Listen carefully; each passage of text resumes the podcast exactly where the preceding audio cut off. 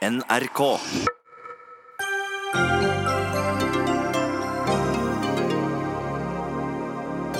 Full forvirring om framtida til den nye Viken-regionen. Fremskrittspartiet Akershus ville legge hele sammenslåinga på is, men det kommer stadig nye forslag om hva partiene vil skal skje med regionreformen. Oljemessa i Stavanger har Saudi-Arabias statlige oljeselskap som hovedsponsor. Ønsker messa virkelig å smykke seg med en sponsor som er med å legitimere et undertrykkende regime, spør Amnesty. Og nå trenger ikke Finnmark noen tiltakspakke lenger, mener Unge Høyre, som vil ta fra fylket særfordelene. De ønsker å straffe oss, svarer fylkesordfører.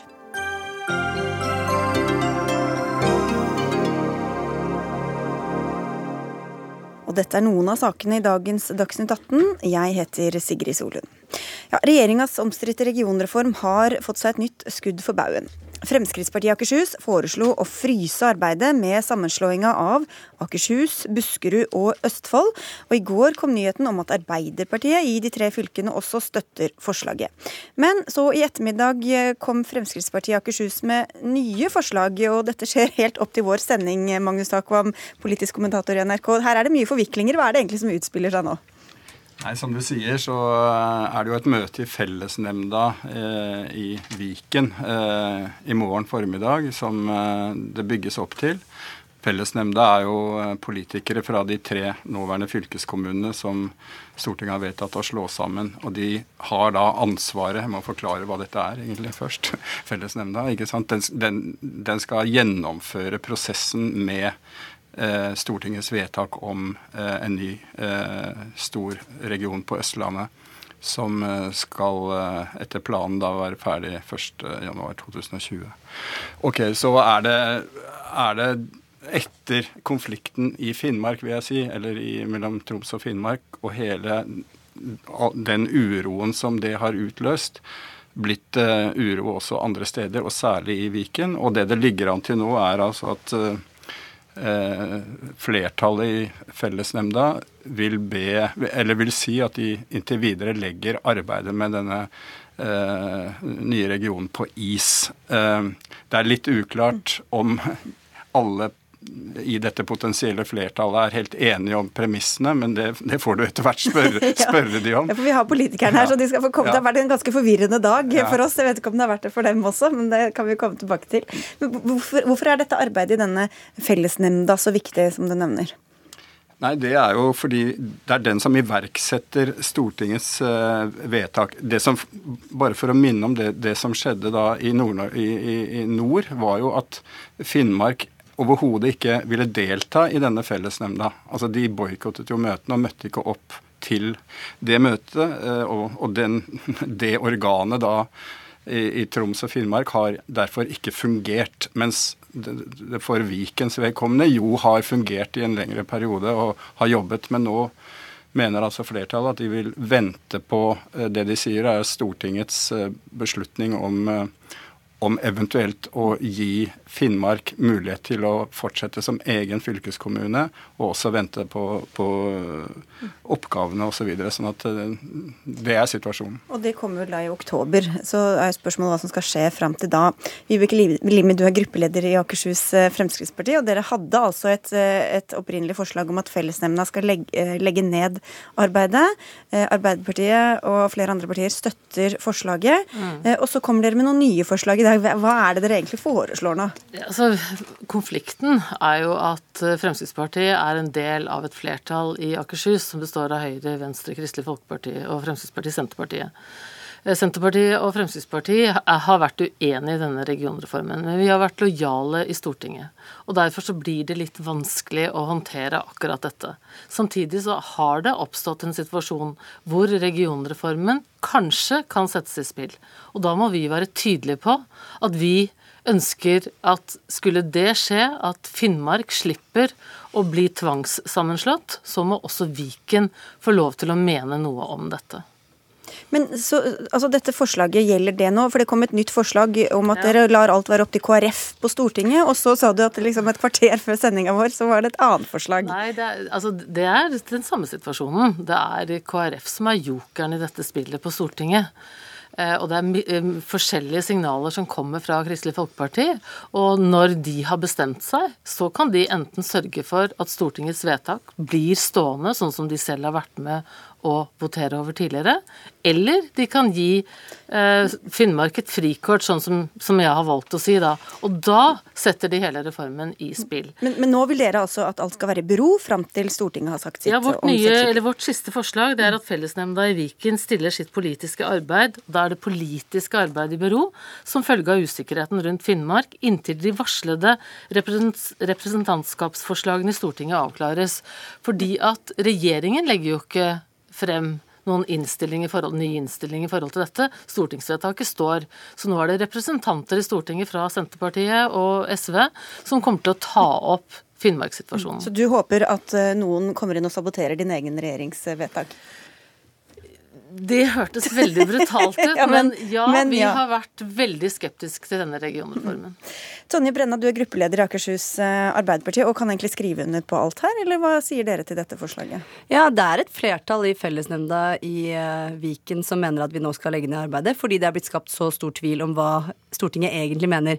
Både i form av det som kommer fra Fremskrittspartiet nå, hvor det er tydelig motstand også lokalt i Viken, men også at kommunalministeren selv jo kastet kortene og sa jeg får ikke til noe mer, nå må Stortinget avklare hvordan de mener jeg skal forholde meg til at fellesnemnda i Nord-Norge ikke fungerer. Hvis det da betyr at man åpner for at det er frivillighet som skal gjelde for Nord-Norge, så må det også være frivillighet som gjelder for Viken. Et stort fylke som har vært nedstemt i alle de tre fylkestingene, og som har liten politisk støtte og ingen støtte i befolkninga. Men ikke alle er helt enige. Eh, Anette Soli, du er fylkesordfører i Akershus eh, og representerer Høyre, og så leder denne nevnte eh, fellesnemnda for Viken. Og du skal altså lede et møte i morgen hvor mange vil at dere ikke skal fungere lenger. Hva sier du til alt dette? Jeg syns det er helt uansvarlig. Jeg syns det er å leke med 10 000 eh, menneskers arbeidsplasser som ikke da får vite hvor de skal jobbe, hva de skal jobbe med, eh, hvem de skal jobbe sammen med. De vet at de har en jobb, enten det blir Viken eller sine respektive fylkeskommuner. Men det er jo litt betydningsfullt for de fleste å vite hvem man skal jobbe med og hvor man skal jobbe. Så, det det også så, så være med å forsterke den tvilen eh, og bringe den inn i vårt arbeid, og gjøre vårt arbeid avhengig av eh, raske avklaringer fra partier i Stortinget, det syns jeg høres veldig rart ut. Men hvordan skal man sitte og jobbe med en reform som nå er i spill, og man vet ikke hva som skjer på Stortinget? Men det er Stortinget som har fattet et vedtak. Det er et vedtak om regionreform og Viken i dag. Og så spekulerer man på om det eh, står seg eller ikke. Men vi har fått vår marsjordre fra Stortinget. Uansett hva vi gjør i Viken, så eh, er det Stortinget som skal bestemme dette. Det vi gjør nå eh, i fellesnemnda, som disse partiene ønsker, det er å stoppe arbeidet frem til januar, sånn at vi ikke får innplassert de eh, ansatte som trenger det. Og Det syns jeg er dramatisk, og det er helt unødvendig. Unødvendig, dramatisk og uansvarlig, Limi. Ja, jeg vil si at det er definitivt ikke å leke. Alle de ansatte i disse tre fylkeskommunene viderefører jobbene sine. Det er et fåtall som nå skal eh, ansettes som direktører i det nye Viken fylkeskommune. Eh, og det ville være feil hvis vi skulle ansette disse nå, eh, og så at det kanskje muligens ikke ble noe Viken etterpå.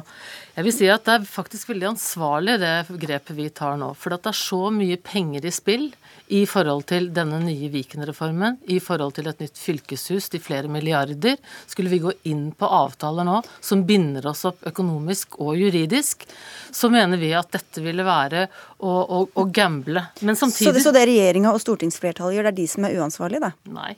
Det er det ikke. Du sier dere gjør de ansvarlige? Vi, vi er ansvarlige i forhold til at dette kanskje nå, denne regionreformen, står i spill. Ja, det, Vi skal være ansvarlige, for all del. Men det dette er, er uansvarlig. Eh, det er ikke noe annet ord for det. Og man kan diskutere om man egentlig har om man er inne på sivil ulydighet eller ikke, når man eh, ikke klarer å forholde seg til et stortingsvedtak over tid. Jeg tenker at Det aller viktigste å huske på er at de direktørene vi nå skal tilsette i morgen, forhåpentligvis, de er de som skal innplassere alle de andre ansatte. Så hvis ikke de kommer i gang med jobbene sine, så får ikke de 10 000 andre beskjed heller. Men jeg kan høre med Brenna, Det er altså et lovlig fattet vedtak i Stortinget som dere ønsker å utsette. Styringsdyktige partiet Arbeiderpartiet, hvordan kan dere holde på sånn? Men vi ønsker jo ikke å utsette et stortingsvedtak. Stortinget... Ja, men dere arbeider med det, altså konsekvensen av vedtaket vil dere Nei, utsette? Stortinget har gjort sitt vedtak, og vi har lojalt fulgt opp det. Og så har vi ved alle anledningene hvor vi har hatt mulighet til det, i alle tre fylkestingene, stemt ned forslag om å bli eh, slått sammen. Så er det sånn at Men dere følger jo ikke opp det vedtaket som, følger, som er fattet, jo, når dere sier at dere vil legge det i bero? Fellesnemnda har ansvar for å gjøre to ting. Det er generelle forberedelser til det nye fylket, og vedta et driftsbudsjett for første år som starter av fra 2020. Det kommer vi til å rekke uansett. Poenget for vårt vedkommende har vært to ting. Det ene er at fylkessammenslåing skulle basere seg på frivillighet. Det valgte stortingsflertallet å blåse i og overkjøre med knappest mulig flertall. Det andre er at ja, vi skal være med lojalt og følge opp de vedtakene Stortinget gjør, men det kan altså ikke være sånn denne gangen også, som det var sist, at en kommunalminister fra Høyre går i Stortinget og sier vi må stanse Nei, vi kan ikke stanse Viken, for de er så godt i gang. Altså det at vi oppfører oss skikkelig og gjør som Stortinget ber om, blir brukt som et argument for Viken, og det er vi lei av, fordi vi har sagt ved enhver korsvei at dette er en dårlig idé. Vi har ingen oppgaver avklart, og vi har en geografisk inndeling som er helt meningsløs. Vi har med en til, men først uh, til deg, Soli. For når, når Monica Mæland har sagt at hun skal avvente dette, hva annet er det hun egentlig gjør da enn å åpne for at også andre uh, regioner eller andre fylker kan sette foten ned? Hun må tilbake til Stortinget for Finnmarks del, fordi at de ville ikke sette i gang i det hele tatt. Men det vil jo ikke dine kompanjonger. Jo, men vi, vi har satt i gang. Vi er i fellesnemnd, og vi har gjort de vedtakene vi skal. Så vi, vi er et helt annet sted i, i prosessen. og det at det å hoppe av nå, det er uansvarlig. Og så er det et forklaringsproblem. Man prøver å late som det ikke er det, og at man ikke setter dette arbeidet i bero. Det er ikke eh, i tråd med stortingsvedtaket. Og la meg si det sånn, en kommunalminister fra hvilket som helst parti må følge stortingsflertallet og de mm. vedtakene som Stortinget har gjort. Så her tror jeg man må rydde litt opp i, hva, i synsingen sin. Men det er altså helt urimelig å si at et folkevalgt organ som uttrykker sin mening om et annet folkevalgt organ, er mer uansvarlig enn en statsråd som ikke forholder seg til Stortinget og dytter Stortinget foran seg. Vi har jo ansvarlig fulgt opp det vi skal hele veien, og nå blir vi igjen brukt som et argument for Viken. Det er det vi mener er helt feil. Lokalt har det vært stor motstand mot Viken hele tiden. Arbeiderpartiet har vært tydelig på dette i Stortinget, og det er vi fortsatt. Men da kommer dere ikke til å sette arbeidet i bero? I morgen, da. Så er dere ansvarlige.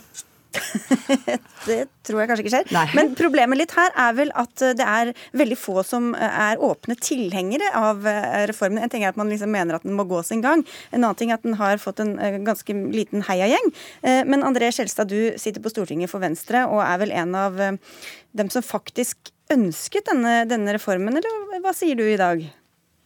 Jo, altså Vi har ønska denne reformen for at vi har tro på det å, å kunne dra makt ned uh, til fylkestingene. Og Det trodde jeg for så vidt Viken også hadde ønska. Men så må jeg rette opp noen feil som uh, Brenna kom her. Altså, Vi snakker altså ikke om hele Nord-Norge, vi snakker om Troms, Finnmark, Nordland er også en del av Nord-Norge. Og For Monica Mæland sin del så var det vanskelig å avholde et møte når da ingen av de ønska møte. Og Da var det også naturlig å avlyse det møtet. Så det her er jo ikke å sette ting på vent. Men jeg må jo få lov til å si at jeg blir jo litt forundra over både Fremskrittspartiet og Arbeiderpartiet i Viken. Nå har vi gjort den beslutninga rundt regionreformen da i 2016 på vårparten. Vi konfirmerte det vedtaket på i fjor høst da vi hadde et representantforslag fra Senterpartiet der vi stadfesta at det her sto ved lag, eh, og at det nå spres så mye usikkerhet fordi at Jonas Gahr Støre har en litt spesiell holdning på forståelse av demokrati. Eh, så syns jo at det her er litt merkverdig. For det, for at, men, men, men, Arbeiderpartiet har jo vært imot, som Tonje Brenna sier, og stemt imot. Eh, mens eh, f.eks. Fremskrittspartiet har jo stemt for. Og Helge André Njåstad, Frp på Stortinget, sier i Dagsavisen i dag at han lever godt med situasjonen rundt regionreformen. Hva syns du om hvordan deres partner og de andre partiene tar eierskap til denne reformen nå? Jeg vil gi en stor honnør til, til Monica Mæland. Vi har, det var ikke det jeg spurte om. vært, vært hele, hele tida klar over hva som har vært Høyre og Fremskrittspartiet sitt eh, primærstandpunkt. Det har jo ikke vært tvil om i det tatt. Men det at det her nå spilles opp på den måten her, også som fylkesordføreren nå sier, altså det her står om 10 000 ansatte i tre fylker. Nå skapes en stor usikkerhet. Jeg trodde for så vidt at ja, men Hva, hva syns du om hvordan Fremskrittspartiet og for så vidt også KrF eh, eh, støtter opp om reformen nå i arbeidet med den? Jeg har ikke noe tro på at det kommer til å være noe forandring fra de to partiene når vi kommer til stortingsvedtak i løpet av høsten i forhold til de varsla, eh, varsla representantforslagene. Jeg tror at de også har tro på å bygge Viken for framtida. Jeg har i hvert fall tro på å bygge Viken for framtida som en slagkraftig og god region for innbyggerne som de skal betjene. Limi. Én ting er at man går for en reform. En helt annen ting er tvangssammenslåing på tross av hva disse tre fylkene faktisk ønsket. Og når man snakker om å trekke makt ned, så har man jo også lest, jeg holdt på å si dessverre, eh, hvor mange som motstrider nettopp at man skal flytte ting fra departement eh, og fra fylkesmannen osv. Til, til fylkeskommunen. Vi mener at det er et riktig grep, men det er jo en stor motstand også der. Sånn at den, den oppgavemeldingen som kommer, og som har bidratt til enda større usikkerhet i forhold til regionreformen. Det er det som skal skje i Stortinget, at de skal si hva, hva som faktisk skal skje? Hvilke oppgaver som kommer. Mm. Så trodde vi at det ville komme nå den 15. Men vi får da også høre at nei, det kommer bare noen oppgaver til å begynne med, og mest sannsynlig så kan det komme flere senere. Og det skaper jo også en ny usikkerhet. Mm. Hva sier det deg, Skjelstad, all den motstanden og alt det som skjer nå, om både hvor forankret og gjennomtenkt denne regionreformen har vært?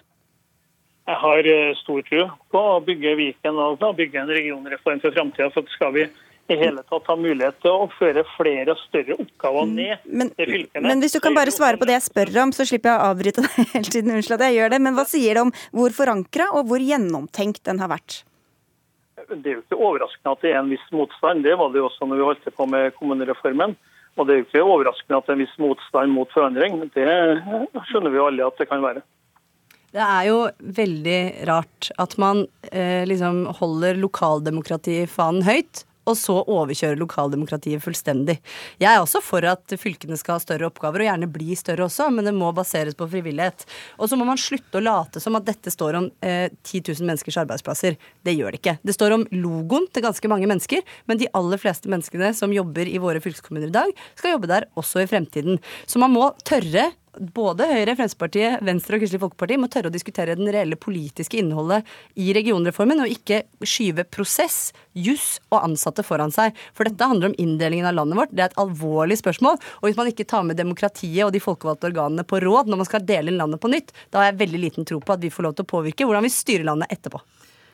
Dette bagatelliserer de ansatte, og det kan ikke jeg være med på. Eh, det går ikke an. Eh, det er vanskelig å være for når man er imot, eller imot når man er for, og det syns jeg kommer eh, godt til syne her. Det var jo sånn at forrige regjering som Arbeiderpartiet satt i, prøvde å få til en regionreform. Fikk det overhodet ikke til. Nå er vi i ferd med å få det til. Og egentlig så har jo Arbeiderpartiet stemt for at de er for. Eh, en regionreform, bare ikke denne versjonen av den. Men det ligger ikke noe forslag fra Arbeiderpartiet om hvordan deres regionreform er. Det er ikke fremmet noe forslag i Stortinget om hvordan Viken skal være fra Arbeiderpartiets side. De er mest opptatt av å stoppe denne regjeringen for å få til noe. Og det blir litt gærent. Hvis vi forholder oss, eh, tiden er knapp nå, til denne reformen, eh, og da til deg til slutt, Limi. Hva håper du at ditt eget parti gjør da, når denne saken skal opp i Stortinget? Hvis eh, eh, Kristelig Folkeparti bidrar til at Finnmark eh, slipper å tvangssammenslås, så faller reformen.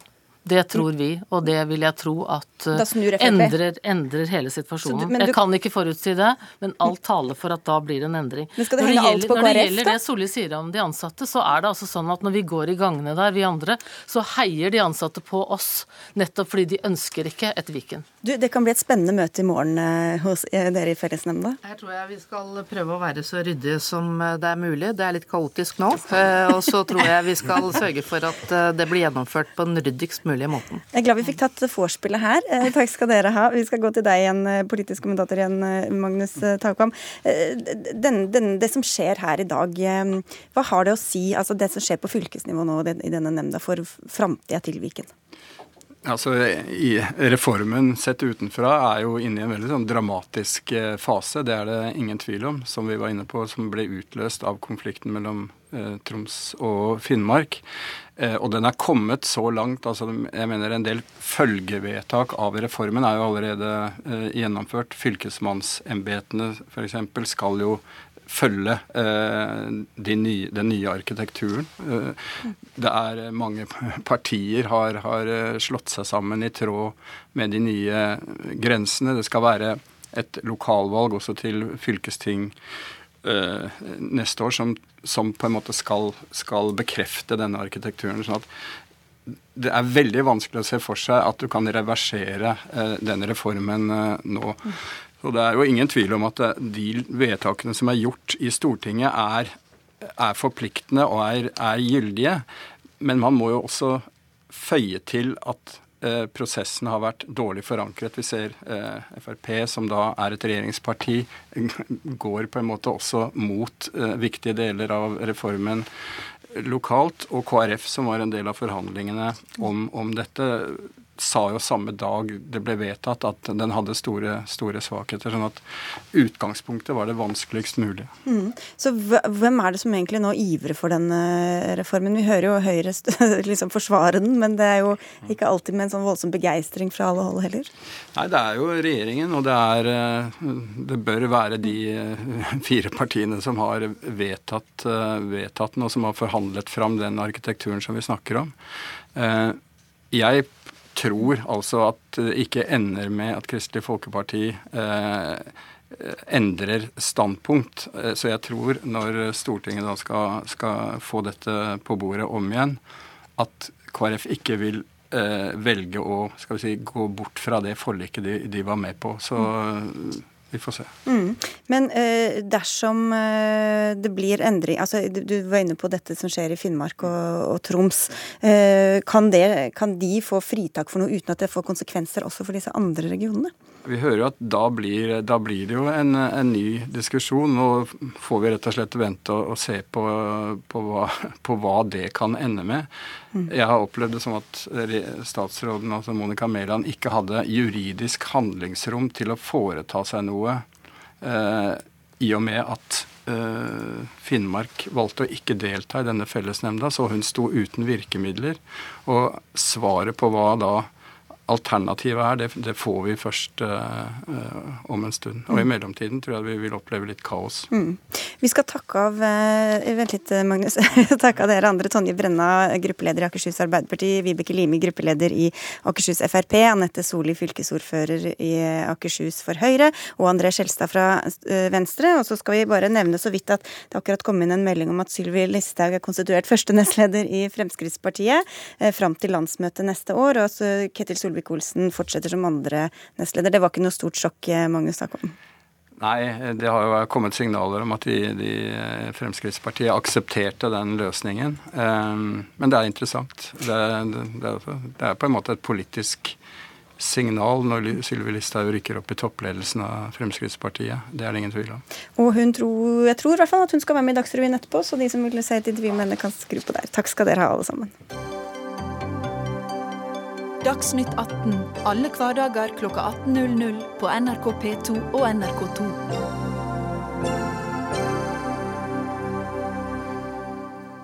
Unge Høyre vil vrake tiltakssonen for Finnmark og Nord-Troms. Tiltakspakka ble innført i 1990 som et svar på høy arbeidsledighet og for å motvirke fraflytting. Blant annet innebærer den flere lettelser på skatt og studielån i Finnmark og den nordlige delen av Troms. Og hvorfor mener dere at dette ikke lenger er hensiktsmessig, Daniel Skjevik Aasberg, du er nestleder i Unge Høyre? Ja, eh, Tiltakssonen ble som du nevnte innført for å hjelpe mot eh, høy arbeidsledighet og dårlige levekår i, Finnmark og Nord-Troms. Det gikk ikke så bra med fiskeriet og fiskeindustrien, og så så man behovet for statlige tiltak. Men nå har jo situasjonen eh, forandra seg. Arbeidsledigheten er på, på, vei ned. Det skapes flere jobber. Og nå mener vi det er på tide at Finnmark og Nord-Troms får like vilkår som, som, resten av landet. Ja, er det ingen egne, sånn særegne utfordringer som, som gjør at de trenger dette lenger? Jeg tror at de eh, særegne utfordringene som du snakker om, er eh, utfordringer som de aller fleste utkantkommuner og distriktskommuner kan kjenne seg igjen i. Jeg kommer sjøl fra Ballangen i Nordland, og vi ser også tendenser til eh, økt arbeidsledighet og til fraflytting, men vi får ikke tiltakspakke og null i arbeidsgiveravgift, lavere skatt og ettergivelse av studielån for det. Ragnhild Vassvik, fylkesordfører i Finnmark og representerer Arbeiderpartiet. Hvorfor skal dere ha helt andre innretninger enn resten av landet da? Ja, Det er jo hyggelig at uh, Unge Høyre syns at det går bra for Finnmark, og at det skulle bety at vi skulle miste de uh, insentivene som er helt nødvendige for at, uh, for at det skal gå bra i Finnmark. Nå må jeg på en måte trekke litt ned her, fordi at det går ikke så bra heller. fordi at vi opplever jo en, eh, en fraflytning fra fylket, og vi opplever heller en, et stort behov for arbeidskraft til viktige oppgaver som, som, som, vi har i Finnmark, enn at det er arbeidsledighet. Det er jo ikke det som er problemet her. Nei, hvor, hvor, hvordan får man flere arbeidstakere av å ha lavere arbeidsgiveravgift? Jo, det er klart at, det, at eh, næringslivet i Finnmark kan, eh, kan, da tilsette flere eh, ansatte med å ha en, en lettere økonomisk hverdag for å, ja, for å få flere hender i, i, i virksomhet i, Finnmark. Men, men hvis begrunnelsen var egentlig høy arbeidsledighet, hvordan henger det da på greip å beholde ordningen når, når, når forholdene er stikk motsatt, at dere har mangel på arbeidskraft? Ja, Det er jo for at vi skal tiltrekke oss ny arbeidskraft, og for å kunne trekke til oss eh, den ungdommen som er ute av Finnmark og tar høyere utdanning. Eh, og at vi kan kunne eh, være mer attraktive for dem å, komme tilbake og, og bidra i Finnmark til det næringslivet som vi har her. Og også innenfor offentlig forvaltning. Så det er en helt åpenbar eh, eh, tiltak som, som, måte man så allerede på 90-tallet som var behov for. Og hadde ikke vi hatt de, de, tiltakene, så hadde bildet for Finnmark sett helt annerledes ut. Det er jeg ganske overbevist om. Og hva tror du da skjer hvis man snur på dette og tar det bort, Skjevik Aasberg? Ja, jeg, jeg, tror ikke at uh, det kommer til å skje sånn ekstremt, uh, veldig, uh, ekstremt, mye over natten. Man har jo andre steder hvor, hvor man har, ser akkurat samme bilde uten at man har noen ekstra tiltakspakker. og Der ser man at, man, ser man at kommunene har klart å, å, løse det selv. og så er det jo sånn at det går, Jeg, jeg syns, syns Vassvik svartmaler bildet i, i, Finnmark veldig mye. For det er jo sånn at Kautokeino f.eks. er veldig gode på barnehage. Måsøy er veldig gode på barnevern. Berlevåg er gode på helse. Så det er jo ikke sånn at høykompetent arbeidskraft ikke kan gi gode gode eh, høy, høykompetent arbeidskraft flytter fra at, kan, at, man ikke klarer å skape gode tilbud i kommunen sin. Eh, sånn at jeg tror at det kommer til å gå helt fint. Og jeg tror vi må slutte å, å svartmale Nord-Norge og krisemaksimere og se på hele Nord-Norge som som som, som et katastrofeområde som trenger ekstra tiltakspakker. Eh, vi ser at det går veldig bra. Ja, vi kan jo spørre Vasvik, hva slags signal du sender når du sier at, vi, at dere trenger helt egne ordninger for at folk skal klare å, å bo og jobbe i Finnmark? Det her er jo et, åpenbart det er jo et, et, misforhold mellom det som Høyre sier nå i forhold til eh, å få pressa Finnmark inn i en tvangssammenslåing. Det er jo nettopp nedsnakking av Finnmark som har vært melodien hele veien, fordi at det har vært brukt som et argument for at Finnmark må slå seg sammen med Troms, for at det går nettopp så dårlig i Finnmark. Og nå plutselig så kommer Unge Høyre og sier at her går det kjempefint, her må vi ta bort de privilegiene som, som Finnmark har. Og det er forresten ingen privilegier. Det er jo tiltak som, eh, som er kommet for å kompensere nettopp arbeidsnæringslivet eh, i Finnmark for å kunne ha starte på samme startstrek som annet næringsliv i, i dette landet. Altså. Eh, og da må man se på forhold som lange, lange reiseveier, dyre reiseveier. Vi har et tøft klima som næringslivet her må, må, må kompenseres for i forhold til annen type næringsliv. Ja. Og Andre steder så er det dyrt å bo, og det er høye bokostnader. Men det er jo altså sånn at Finnmark og, og de syv kommunene i Nord-Troms de har altså null i arbeidsgiveravgift, de har lavere skatt, de har ettergivelse av studielån, de har til og med fritak fra elavgift og sletting av gjeld for, for grunnskolelærere. og det, Dette er tiltak som ingen andre kommuner har. og Når man vet da i tillegg at, at uh, arbeidsledigheten i Finnmark har falt fra 4% i 2015 til 2,9 nå, vi vet at Finnmark er, ligger, uh, det er ni fylker som gjør det dårligere enn Finnmark på verdiskapning. og alle alle, nesten alle kommunene i Nord-Troms som får disse, disse, ekstra tiltakene, de har lavere arbeidsledighet enn landsnittet, så syns jeg det blir ganske spesielt å hevde at man skal opprettholde disse ordningene. Det er, det er eventyrlige muligheter i olje- og gassressursene som skal utvinnes i Barentshavet. Det er mineralforekomster, det er havbruk, det er turisme. Det går så utrolig, mye, eh, går så utrolig bra for hele Nord-Norge. Så jeg mener at vi må slutte å snakke ned Nord-Norge og heller se på andre tiltak. Men samtidig så er det vel også blant andre din eh, høyre kollega i Vadsø, ordfører Hans Jakob Bøno, som sier at, sier at dette er helbom. Så hva er det de lokalt ikke har skjønt, også i Høyre, da? Selvfølgelig. altså Hvis jeg også hadde hatt null i arbeidsgiveravgift og lavere skatt, så hadde jeg ikke sagt at det var noe som vi burde ta uh, fjerne. Jeg tror at uh, Tenker de ikke på helheten der oppe da, eller? Jo, vi tenker på helheten, og vi må tenke på helheten eh, for Norge som land også. og Det er 2,6 milliarder kroner hvert år som vi kunne brukt på andre ting. F.eks. tidlig innsats i skolen, eller gjøre det mer lønnsomt å jobbe, eller bare spart til, de, til det kommer dårligere dager. Vi vet at vi har store utfordringer å løse for fremtiden.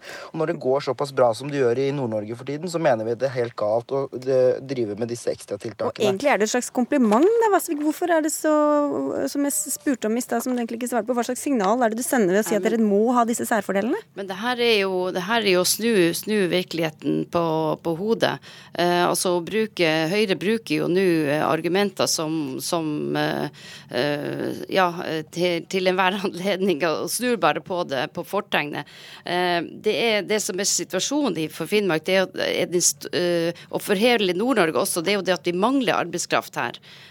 Jo, altså vi, vi, vi opplever jo en nedgang i folketallet i hele Nord-Norge. Eh, enkeltkommuner selvfølgelig står seg godt, eh, mens de aller fleste eh, opplever nedgang i folketallet. Vi har store utfordringer innenfor, innenfor både fiskeri og, og spesielt olje og gass, som, som, blir nevnt her. Men vi har ikke de arbeids, den arbeidskrafta som vi trenger. Det blir jo nettopp vist til en, en rapport her fra, som heter Levert i forhold til Eh, eh, leverandørindustrien til olje og gass. Eh, en av de tingene som kommer frem der, er jo det at vi har stor mm. innpendlingsprosent, faktisk 41% til bl.a. Hammerfest, som er en av de kommunene som det går veldig bra i. Vassvik, vi må avslutte. ja. Jeg skjønner. Men, ja, men altså, ja, okay, veldig, veldig kort, Kjevik Aasberg. Hvis fraflytting virkelig var på problemet, så burde man jo stilt seg spørsmål om det, disse tiltakene har fungert uansett. For de har jo vært der siden 1990. Og jeg mener at det finnes andre tiltak kommunene kan iverksette. Hvis det er mangel på arbeidskraft som er problemet, da kan kommunene iverksette tiltak. Og da er det ikke lavere arbeidsgiveravgift en løsning. Og dere vil altså at dette skal skje allerede ved kommende statsbudsjett, og så har vi en stund på oss på å se om det får gjennomslag for det. Vi må takke dere nå, Daniel Skjevik Aasberg som er nestleder i Unge Høyre, og Ragnhild Vassvik, fylkesordfører i Finnmark for Arbeiderpartiet.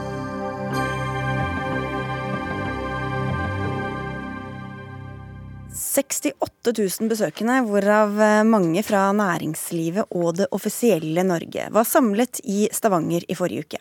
Anledningen var den norske oljemessa. Hovedsponsor, sammen med DNB og Shell, var verdens største oljeselskap, Saudi Aramco. Kronprins Haakon og statsminister Erna Solberg var blant dem som kastet glans over det hele, men som E24 har skrevet, kritikken lot ikke vente på seg. For å velge Saudi-Arabias statlige oljeselskap er å legitimere et land som konsekvent bryter menneskerettigheter og driver undertrykking, sier dere i Amnesty International Norge, hvor du er seniorrådgiver i Natin. Du er også ekspert på Saudi-Arabia. Hva er det som er så problematisk ved denne sponsingen? Det er problematisk nettopp eh, fordi eh, oljemessen i Stavanger er et utstillingsvindu for Norge, eh, som du selv også beskrev veldig levende. Eh, og oljemessen har ved å velge Saudi Aramco som hovedsponsor på mange måter blitt et utstillingsvindu for Saudi-Arabia og det saudiarabiske regimet. Fordi Saudi Aramco er 100 eh, eid av det saudiske kongehuset. Kongehuset bruker eh, oljeselskapet som et redskap. Rett og slett Det er pengebingen som holder dette regimet eh, ved makten. Og da mener jeg det er problematisk av to grunner. For det første fordi eh, at det saudiske kongehuset, som er et enevelde, driver en ekstremt uh, um, undertrykkende politikk. De forfølger sin egen befolkning. Det er ingen ytringsfrihet, ingen religionsfrihet, ingen forsamlingsfrihet. Kvinner er grovt diskriminert. Det foregår utbredt tortur. Uh, folk blir henrettet i stort omfang. Det er en av verdens verste stater når det gjelder bruken av dødsstraff. Uh, på offentlig gate, halshugging. Eh, og sånn kunne jeg fortsatt. Eh, det er et regime som da i den grad står i kontrast til såkalt norske verdier. Eh, det er også et veldig aggressivt, driver en veldig aggressiv utenrikspolitikk. Og samtidig så er det et regime som nå prøver å hvitvaske seg selv gjennom å kjøpe PR-råd for milliardbeløp for å bedre sitt omdømme. Og det å sponse oljemessen er et redskap i det arbeidet for å fremstå mer spiselig. Og det burde ikke oljemessen uh, ha latt seg uh, bidra til, rett og slett. Mm. Leif Johan Sevland, du er daglig leder i ONS, altså oljemessa i Stavanger. Hvorfor vil dere ha dette samarbeidet? Jeg er glad for å få ta denne debatten. Den kom jo i forrige uke når vi hadde det ganske travelt. Og ja, da, vil, da kunne dere ikke komme hit? nei, jeg syns det, det, er veldig godt å kunne være her nå.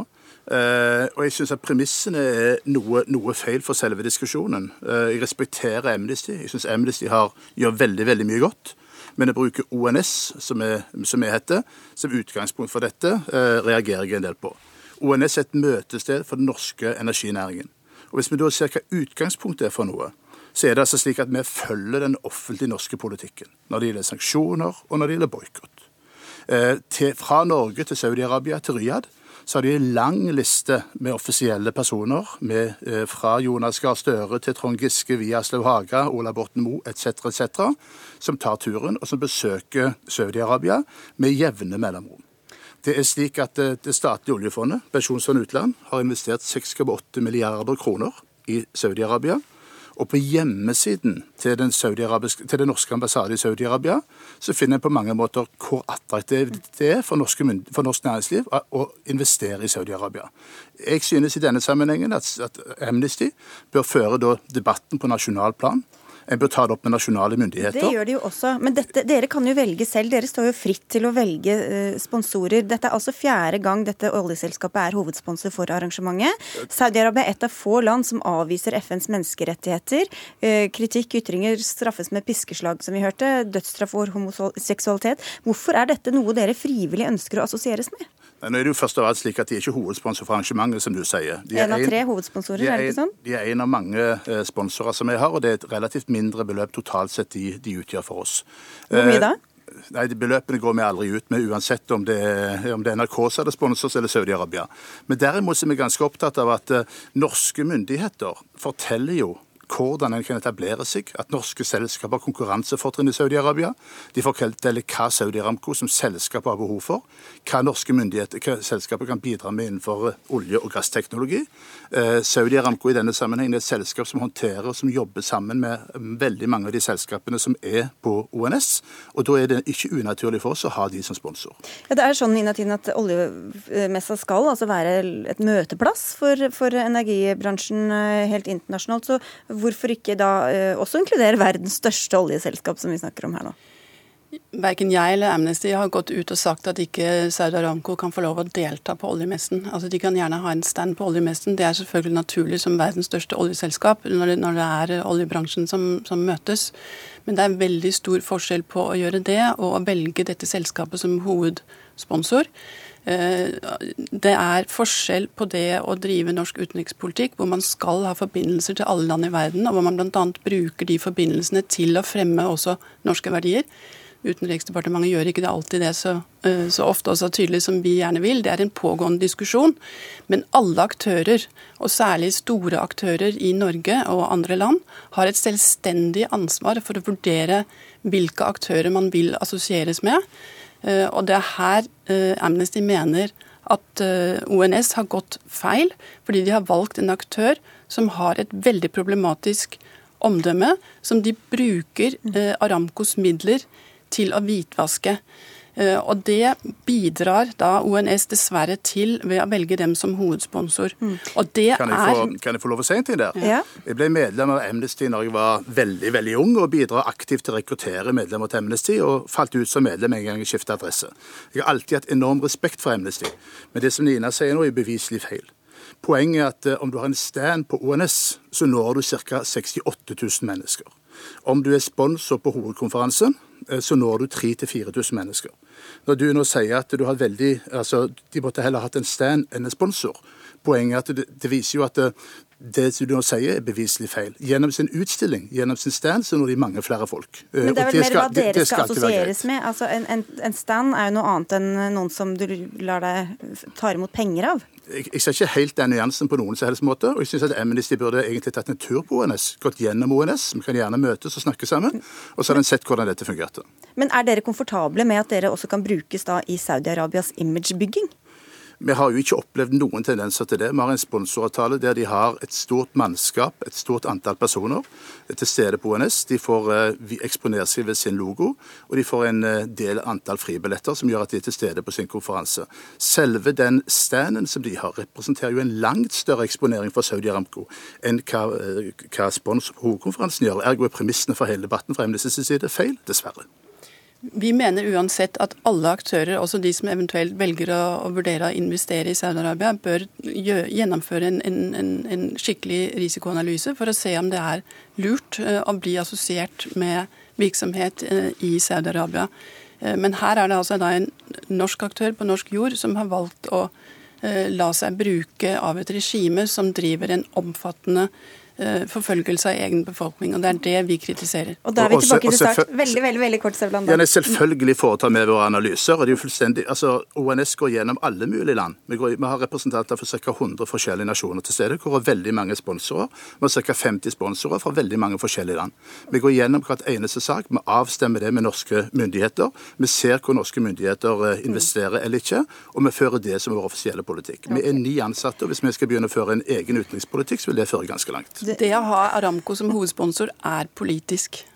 Vi eh, var tilbake ved start. Takk skal dere ha begge to. Inna Tin fra Amnesty International og Leif Johan Sevland, som også er daglig leder i ONS.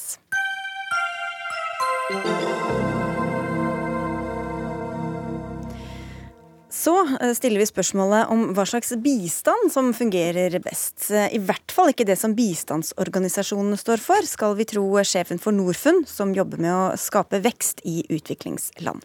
I en kronikk som har stått på trykk både i bladet Bistandsaktuelt og i Aftenposten, stilles spørsmålet når vil utviklingsfornekterne godta at Afrika kan vokse seg ut av fattigdom? Og Kjell Roland, administrerende direktør i Norfund, det er du som har eh, skrevet dette. Først, hva og hvem er disse utviklingsfornekterne du skriver om? Så Svaret veldig kort på det, så er de som, eh, som ikke har egentlig en ambisjon om at Afrika og de fattigste landene kan klare å løfte seg ut av fattigdommen. Eh, men la meg først si litt om hva er Norfund. Altså Norfund er det norske stats investeringsfond for, eh, for, fattige land. Vi har ett formål, og det er å bekjempe fattigdom. I norsk historie så ligner vi litt på det vi tidligere hadde, som var Industribanken, Fiskerbanken, Landbruksbanken. Altså en statlig eh, finansieringsinstitusjon som skulle tilføre kapital og kreditt til næringsfattige strøk og sektorer. Og det gjør vi. Vi har investert i til sammen 800 små og mellomstore bedrifter. Vi har 276 000 ansatte i våre bedrifter. Og disse bedriftene betaler faktisk, eh, eller betalte i fjor 10 milliarder kroner i skatt til de land de er i. Mm. Så vår påstand det er dette som er langsiktig bærekraftig utvikling. Våre penger ikke bare eh, virker, de er lønnsomme, de kommer tilbake, vi kan investere dem på nytt. Og så til det du beskriver som motsatsen, da, for da eh, skriver du videre at det er prisverdig at idealister i nord ønsker å være medmennesker og gjøre tiltak for å hjelpe fattige i sør. Men betyr det at du mistenker dem for å mer ville hjelpe enn å ville vise til, til resultater? Ja, Hvis vi går litt tilbake i norsk bistandshistorie, så til og med på 70-tallet så brukte vi ca. 30% av bistanden til å skape næringsutvikling. Og tenkte på samme måte som Norge gjorde for 50-80 år siden. Du må bygge veier, du må bygge kraftverk, du må skape arbeidsplasser. For på syvende, til syvende og sist så er det som i norsk sammenheng kalles arbeidslinja. Mm. Det er ingen andre måter man kan vokse ut av fattigdom. Og det har vi slutta med i bistand. Altså I dag bruker vi 4% av bistandsbudsjettet på næringsutvikling. Og det er liksom hovedpoenget vårt. Mens alle andre land holder på å vri sammensetningen og, og igjen eh, gjenoppdage behovet for arbeidslinjen. Så henger vi litt igjen der vi var på 80 eh, 80- og 90-tallet. Da skal vi til en av dem som driver med dette også, Lisa Sivertsen, avdelingsleder for politikk og samfunn i Kirkens Nødhjelp. Hva syns du om denne merkelappen utviklingsfornekter? Vi kjenner oss ikke igjen i det. Vi syns jo at eh, Roland bommer på kritikken. For jeg tror de fleste bistandsorganisasjonene i dag, både i Norge og andre land, har et mye mer helhetlig tilnærming til eh, arbeidet eh, der ute. Og arbeidslinja, som du snakker om, Roland, Eh, den blir annerledes i et land som f.eks. Tanzania, eh, som vi jobber i begge to, eh, der 50% av befolkninga lever under fattigdomsgrensa. Veldig mange voksne kan ikke lese, skrive, regne. Det finnes nesten ingen barnehager man kan sette ungene sine i hvis man skal på jobb. Eh, det finnes ikke helsetjenester som gjør at man kan få en sykemelding hvis man har en sykedag, eller medisin hvis man er syk. Så hans oppskrift få, treffer ikke alle? Nei. For å få de sårbare gruppene inn i lønna arbeid, som er et mål som vi også har, så trengs det aktivt, det trengs innovativt og dedikert samarbeid mellom oss, eh, altså Kirkens Nødhjelp og Norfund. Vi må eh, Jeg har et fredsforslag, Kjell Roland. Allerede? Hva om vi samarbeider? For vi når jo ulike befolkningsgrupper. Vi har forskjellige roller å spille. Eh, og vi kommer ikke så mye videre hvis vi sitter her i Oslo og diskuterer. Det er ute der vi skal eh, skape endring. og Da må vi jobbe sammen. Men her er vi veldig enige, og det er ikke noen grunn til å, å, å skjerpe denne uenigheten mer enn det den er. Men, men, hvis jeg prøver å på en litt annen måte komme inn i dette Jeg har veldig stor respekt for veldig mye av det arbeidet dere gjør på bakken. Jeg tror at dere som oss opplever hvor vanskelig det er ofte å få det til. Vi er i noen kulturer og i noen samfunn som er ganske tilbakeliggende i forhold til der vi er. Eh, og Da har en del av denne diskusjonen vært Men da kan du ikke sette standarder og kreve oss eller dere at vi på bakken skal ha samme standarder som i Norge. Altså Langsiktig utvikling tar tid i disse landene. Men det denne diskusjonen på en måte dreier seg om, det er at vi eh, altså, Vi klarer ikke å skille i bistandsdiskusjonen mellom Nav og Innovasjon Norge og Næringsdepartementet. Altså mellom det å drive sosialpolitikk, det å drive, være opptatt av de fattigste og de svakeste og lindre kortsiktig nød, som er nødvendig, og det å skape langsiktig bærekraftig utvikling, altså som vokser av seg selv, og som bl.a. betaler skatt som gjør at disse landene kan bygge velferdsstat. Altså det som vi gjorde på 50-, og 60- og 70-tallet. Du, du, har fått et svar i dag i Aftenposten også fra bl.a. deg, Katarina Bu, eh, som skrev det sammen med en kollega. Du er internasjonal rådgiver i eh, den eh, venstre, sentrum-venstreorienterte tankesmia Agenda. Hvor tar Roland feil, mener dere? Eh, altså Det han tar helt rett i, har helt rett i, det er at jobber og økonomisk vekst er helt sentralt for å skape utvikling eh, i utviklingsland. Eh, men så er det akkurat som om Roland glemmer tre ting, eller så er han ikke helt ærlig når han har dette utspillet. Og det er for det første så finnes det jo ingen utviklingsfornektere. Alle er enige i nettopp dette at jobbskaping og økonomisk vekst er viktig. Um, og for det andre så er det ikke sånn at jobber og vekst på en måte skapes i et vakuum. Uh, for å skape utvikling så trenger man markeder som fungerer. Man trenger en stat som regulerer. Man trenger havner hvor varer kan losses av og på. Uh, og man trenger ikke minst en frisk befolkning med utdanning. Og for det tredje så syns jeg det er liksom pussig at Roland trekker opp dette gang på gang, at ansvarlighet og eh, samfunnsansvar eh, må komme i andre rekke etter eh, privat næringsliv. Fordi det er en veldig gammeldags måte å se på næringslivet på, mener jeg. Altså, Det går an å ha to tanker i hodet på en gang, og næringslivet vet dette. De er ansvarlige når de investerer både eh, her og i, i utviklingsland. Siversen. Altså, en fersk undersøkelse fra Gambit viser jo også at norsk næringsliv ønsker å ha bistandsorganisasjonene med seg eh, når de skal investere eller etablere næringsvirksomhet i sør. Fordi vi har eh, lokal kunnskap, eh, vi har tillit i befolkninga. Det skapes ikke over natta. Og vi kan være døråpnere. Og det er derfor sånn det der jeg tenker at vi har ulike roller å spille, hva, og vi må jobbe sammen. Bare for å prøve å skjønne det litt mer, for hva er det bistand bistandsorganisasjonene gjør feil som kanskje hemmer denne utviklinga som de sier og du sier at, de, at dere vil ha? Hovedpoenget mitt her er uh, ikke at vi er uenige på et sånt språklig nivå om at arbeid er viktig. Men vi driver ikke med det i norsk bistand. Det er det som er poenget. Altså 4% av norsk bistand brukes til å skape næringsutvikling som kan skape arbeidsplasser. Så vi driver med alt annet. Og det er poenget. Og den, og den artikkelen som skrev jeg også sammen med en som heter Paul Collier, som kanskje er den største guruen i internasjonal bistandsindustri. Han er faktisk blitt eh, adlet i England, så er det sir Paul Collier. Men hans budskap er akkurat det samme. Han sier, han sier, til og med at skal vi lykkes med å bekjempe fattigdom i Afrika, så må næringslivet gå foran. Ja.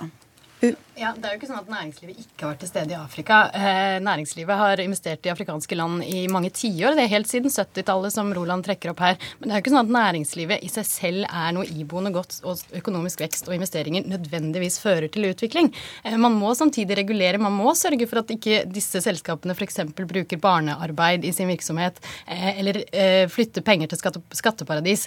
Og vi, eh, vi, snakker om bistand, men det er faktisk sånn at eh, veldig mye penger i dag går ut av det afrikanske kontinentet. Veldig mange afrikanske land i dag sliter med å betale ned på uh, gjeld. Mm, skatteparadis er et stort problem. Vi må også kunne snakke om disse tingene, om regulering, om institusjoner. Og det virker som om Roland glemmer dette i sin iver etter å fremme økonomisk vekst. Man må kunne ha to tanker i hodet på en gang. Um, selvsagt er alle disse andre tingene viktige. Men, men, det er jo ikke riktig at norsk næringsliv er opptatt av Afrika. Aldri har det vært så lite investering fra norsk næringsliv. Investeringene fra Vesten generelt, i Afrika sør for Sahara, er på vei ned.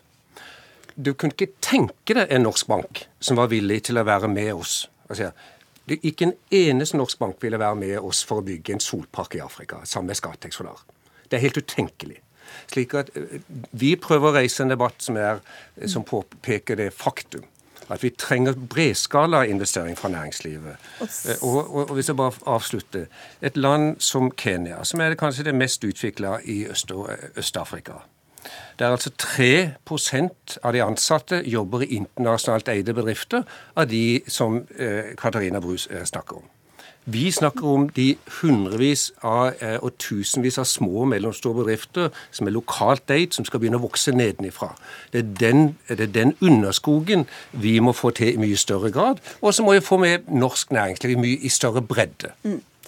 Altså, jeg tror jo at Hvis vi nettopp skal klare å få det næringslivet til å blomstre, så er jo helse og utdanning helt avgjørende viktig. Vi er nødt til å ha folk som kan jobbe fylle de jobbene som vi håper å skape. Så der tenker jeg at bistand, selv om ikke den uh, har uh, næringsutvikling som merkelapp Men kanskje ikke 96 så, skal gå til det, og 4% til å skape arbeidsplasser? Men vi driver jo yrkesopplæring, f.eks., som ikke går inn i den kategorien, men som går inn i andre kategorier. Så vi gjør jo, og vi driver på med mikrofinans, vi gjør masse, uh, ofte som har den effekten som Roland ønsker skal ha. Ok, Bur. Uh, ja, nei, altså eh, Roland har et viktig poeng. Eh, vi må støtte opp om uh, jobber og økonomisk vekst. Men det er jo ikke sånn at vi ikke bruker bistandspenger på, på dette.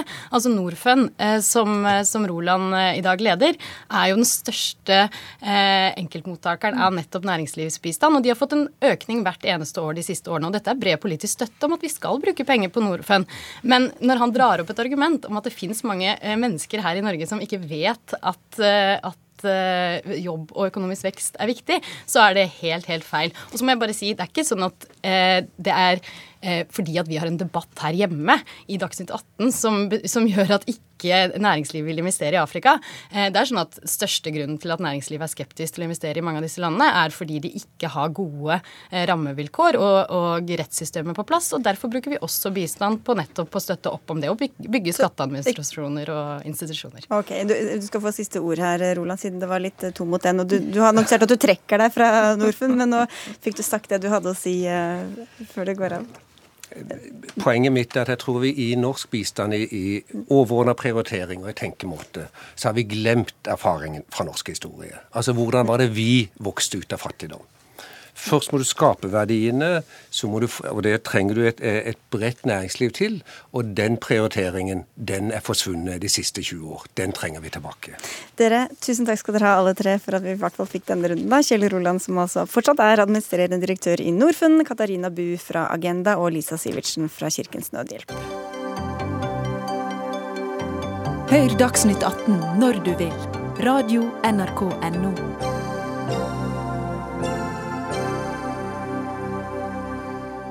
Og vi avslutter sendinga i Sverige, hvor valgkampen er i innspurten. Nå er det bare dager til svenskene går til stemmeurnene på søndag. Og foreløpig ligger det an til å være dødt løp mellom statsminister Stefan Löfven og de rød-grønne, og utfordreren Ulf Kristersson og den borgerlige alliansen på den andre siden. Lisbeth Skei, du er i eh, Stockholm og dekker valgkampen. Moderaterna, altså svenske Høyre, har lagt fram en integreringspakke i dag. Hva inneholdt den? De har lagt fram en eh, integreringspakke ja, når det er fem-seks dager igjen av valgkampen. Og de går altså imot religiøse friskoler. Det skal bli langt vanskeligere å danne religiøse friskoler for å demme opp mot eh, religiøs ekstremisme. Og eh, mange kan kanskje beskylde dem for å prøve også å demme opp for at mange av deres velgere går til eh, Sverigedemokraterna. Mm. De har også et par eh, andre forslag. De vil ha strengere lover mot både tvangsekteskap og flerkoneri. Og de vil også ha flere lærerassistenter ute i de områdene i Stockholm som er utsatt. Og i dag møtes disse to statsministerkandidatene til debatt i svensk TV, og da blir vel også dette et tema, regner jeg med? Med der?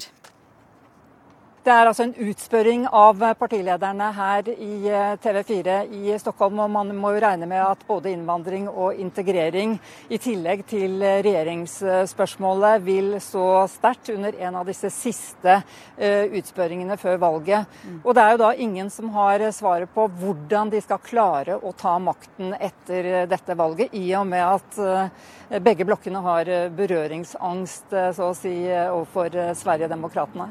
Takk skal du ha, Lisbeth Seid. da går over til deg, Hilde Sandvik. Du er redaktør for det nordiske nettstedet Broen XYZ. Eh, denne integreringspakka settes altså litt i sammenheng med, med Sverigedemokraterna og deres uh, syn på, på, innvandring og hvordan de har hegemoni, fått hegemoni på det. Hvordan innhold, vurderer du dette innholdet i, i pakka fra Moderaterne? Spørsmålet er om det kommer altfor seint. Eh, fordi at Sverigedemokraterna har eh, klart å dominere denne valgkampen med dette spørsmålet i måned etter måned. Eh, og det kommer kanskje for seint fordi at en har en situasjon i Sverige i dag der en kunne lese i Svenska Dagbladet nå i helga at salafismen er på på, er på frammarsj eh, i landet. Eh, en, eh, I vår så hadde Göteborg-Posten en sak om at 27 av 41 førskoler, vanlig svensk skole, syntes det var greit å kontrollere at jentebarn gikk med hijab i skoletid. Og Det var ikke engang en fri skole, det var vanlig svensk skole. jeg leste også en, bare for å si det, jeg leste en, en forskningsrapport som i Tyskland 2015 bestilte av den tyske regjering som viste at en tredjedel av eh, sunnimuslimer i Sverige ikke ønskte å bli integrert. Så jeg tenker både Moderaterne og andre har en veldig lang vei å gå. Så, så Sverigedemokraterna har, har, klart å påvirke de andre partiene også, eller hva sier du, kunne denne pakka fra Moderaterne blitt lagt fram for to år siden? Ja, Den burde vært lagt fram for veldig mye lenger siden. Burde er det en ting, men kunne er en annen sak. Ja, de kunne mm. absolutt ha gjort det. Men det har altså vært en veldig vanskelig situasjon både for Moderaterne og for, eh, og for Sosialdemokraterne, fordi de har egentlig vært helt enige om å ha en stor eh, og brei innvandring til, til Sverige. Eh, og en har ikke ønska å gå inn i disse problemstillingene fordi det nettopp gagner Sverigedemokraterne. Så har altså da Sverigedemokraterne likevel klart å dominere nesten hele valgkampen med det spørsmålet. Og så har det vært avsløringer gjennom at det er enkelte av Sverigedemokraternas eh, lokale kandidater som har hatt i hvert fall bånd til nazistiske grupper. Hvorfor ser ikke det ut til å gjøre mer skade på partiet? Det kan se ut som at det er teflon på Jimmy Åkesson for tida. Der er jo nesten ukentlig, og iallfall dag, nesten daglig, og iallfall ukentlige meldinger om tette bånd mellom listetopper og, og, nazistiske organisasjoner. og Det kan virke som at det preller veldig av. Og På den andre sida så har det òg vært ganske interessante bånd mellom sosserne og, og, den islamistiske bevegelsen i Sverige. Så det er to partier som holder hverandre i ganske godt sjakk her. Og så en eh, litt sånn eh, skummel utvikling, hvis vi kan si det. For svenske forskere har funnet tusenvis av twittermeldinger fra falske, altså automatiserte kontoer. Eh, og, disse kritiserer regjeringspartiene, de kritiserer også islam, innvandring, pressen.